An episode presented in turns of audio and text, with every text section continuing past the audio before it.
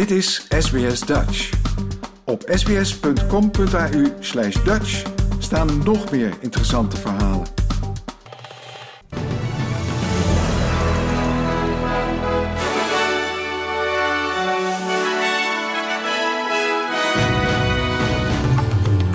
Dit zijn de headlines van het SBS Dutch nieuwsbulletin van zaterdag 15 oktober. Woolworths reageert op datalek MyDeal website. Water bedreigt tientallen gemeenschappen in Victoria. En acteur die Hagrid vertolkt in Harry Potter films overleden.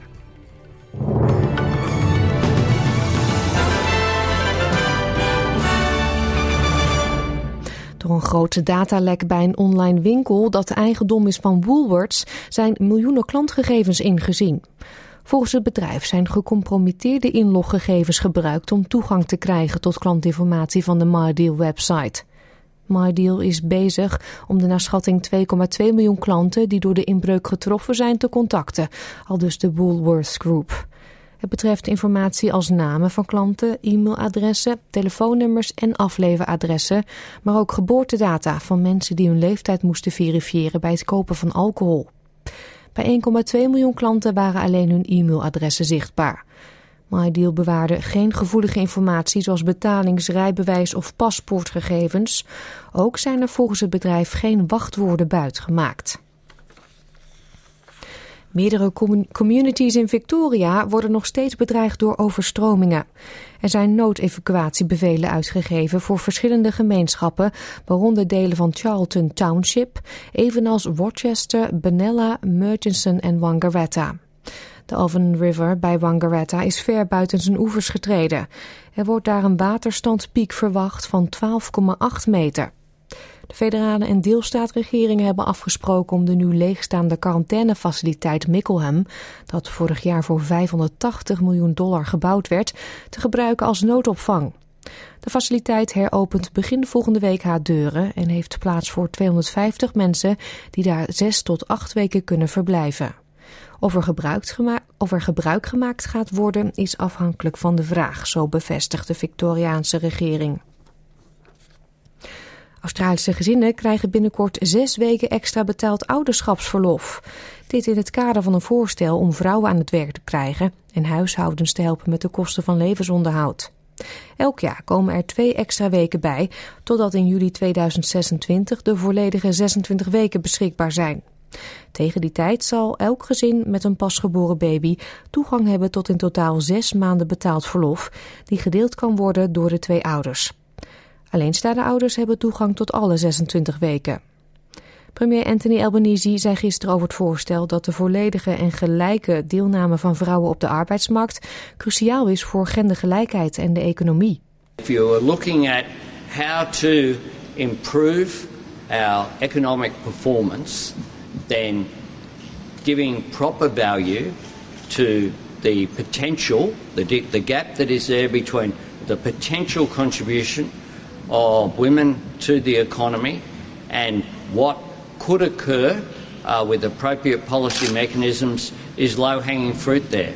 We need to maximise women's economic participation in the interests of family budgets, but also in the interests of our national economy. Volgens de Russische president Vladimir Poetin is er op dit moment geen reden voor nieuwe aanval op Oekraïnse steden.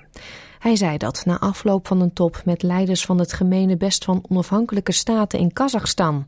Еще придется наносить. Ну, сейчас нет необходимости массированных ударов. Сейчас Right now, there's no need for massive strikes on Ukraine. For now, there are other tasks because I believe out of 29 targets, only seven did not hit as the Ministry of Defense planned, but they are going to get them gradually. There's no need for massive strikes. In any case, not for now. In the future, we'll see. Но во всяком случае сейчас, пока. Ну а там видно будет. De scheidend premier van Zweden, Magdalena Andersson, spreekt tegen dat Zweden het gaslek bij de beschadigde Nord Stream-pijpleidingen met Denemarken en Duitsland niet langer wil onderzoeken. As I understand it, that is not true. Uh, we are working together with, uh, with Germany and, Denmark uh, in this issue. That's, the, that's what I heard from the agency.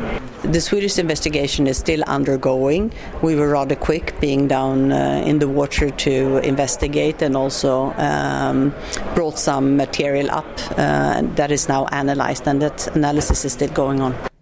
Gisteren meldde het Duitse tijdschrift Der Spiegel dat Zweden vanwege veiligheidsredenen geweigerd zou hebben een gezamenlijk onderzoek in te stellen.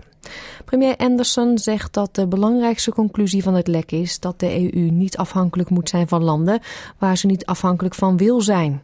When it comes to Nord Stream, I think the number one lesson is we should not be dependent on fossil fuels from countries we don't want to be dependent on. Russia, but there are also other countries. We need to speed up the green transition. We need to produce our energy to a larger extent within the European Union. Tredos Adhanom Ghebreyesus, de baas van de Wereldgezondheidsorganisatie, zegt dat er nu tientallen gevallen van ebola zijn in Oeganda. De WHO is bezorgd dat de dodelijke ziekte zich naar buurlanden zal verspreiden. First to Uganda, where WHO is continuing to support the government to respond to an outbreak of Ebola disease in five districts. So far, there are 54 confirmed and 20 probable cases, with 39 deaths and 14 people have recovered. More than 660 contacts are currently under active follow up. Our primary focus now is to support the government of Uganda to rapidly control and contain this outbreak, to stop it spreading to neighboring districts and neighboring countries.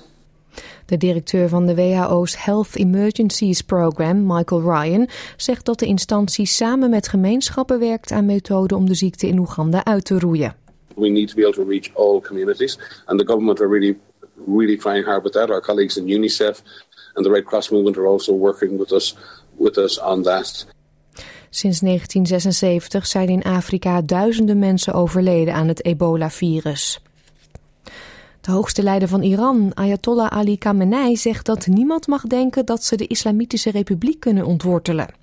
Het zijn de strengste waarschuwingen sinds het begin van de protesten, nu vier weken geleden.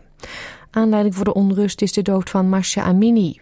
De Iraans-Koerdische vrouw werd gearresteerd omdat ze haar hijab te los zou hebben gedragen en stierf in politiehechtenis. Demonstraties door mensen uit alle lagen van de bevolking zijn uitgegroeid tot wijdverbreide oproepen tot de ondergang van Ayatollah Khamenei en dood aan de Islamitische Republiek. De protesten zijn een van de grootste uitdagingen voor het kerkelijk bewind sinds de revolutie van 1979. Khamenei vergelijkt de Islamitische Republiek met een boom die niet neer te halen is. The enemies thought they could uproot the tree of the Islamic Republic. That small tree has now turned into a massive tree. Anyone who even thinks about uprooting this tree is completely wrong. Robbie Coltrane, de acteur die Hagrid speelde in de Harry Potter films, is op 72-jarige leeftijd overleden. Belinda Wright, die 40 jaar lang zijn agent was, heeft bevestigd dat hij is gestorven in een ziekenhuis Forth Valley Royal Hospital in Schotland. De acteur is ook bekend vanwege zijn vertolking van het personage Fitz in de tv-detective-serie Cracker uit de jaren 90 en zijn rollen in de James Bond-films GoldenEye en The World Is Not Enough. Zijn Harry Potter-collega Daniel Radcliffe zegt in een verklaring dat hij van de, dat hij een van de grappigste mensen was die hij ooit heeft ontmoet. J.K. Rowling, de schrijfster van de Harry Potter-reeks, noemde hem een ongelooflijk talent.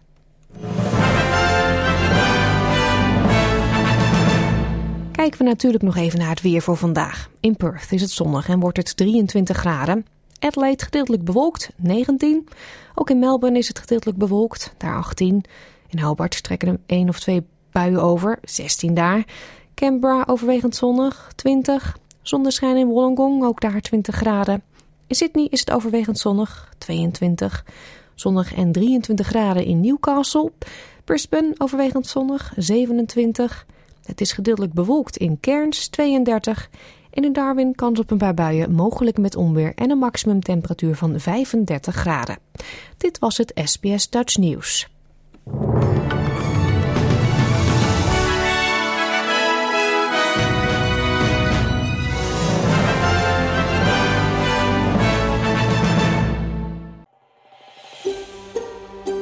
Wil je nog meer soortgelijke verhalen?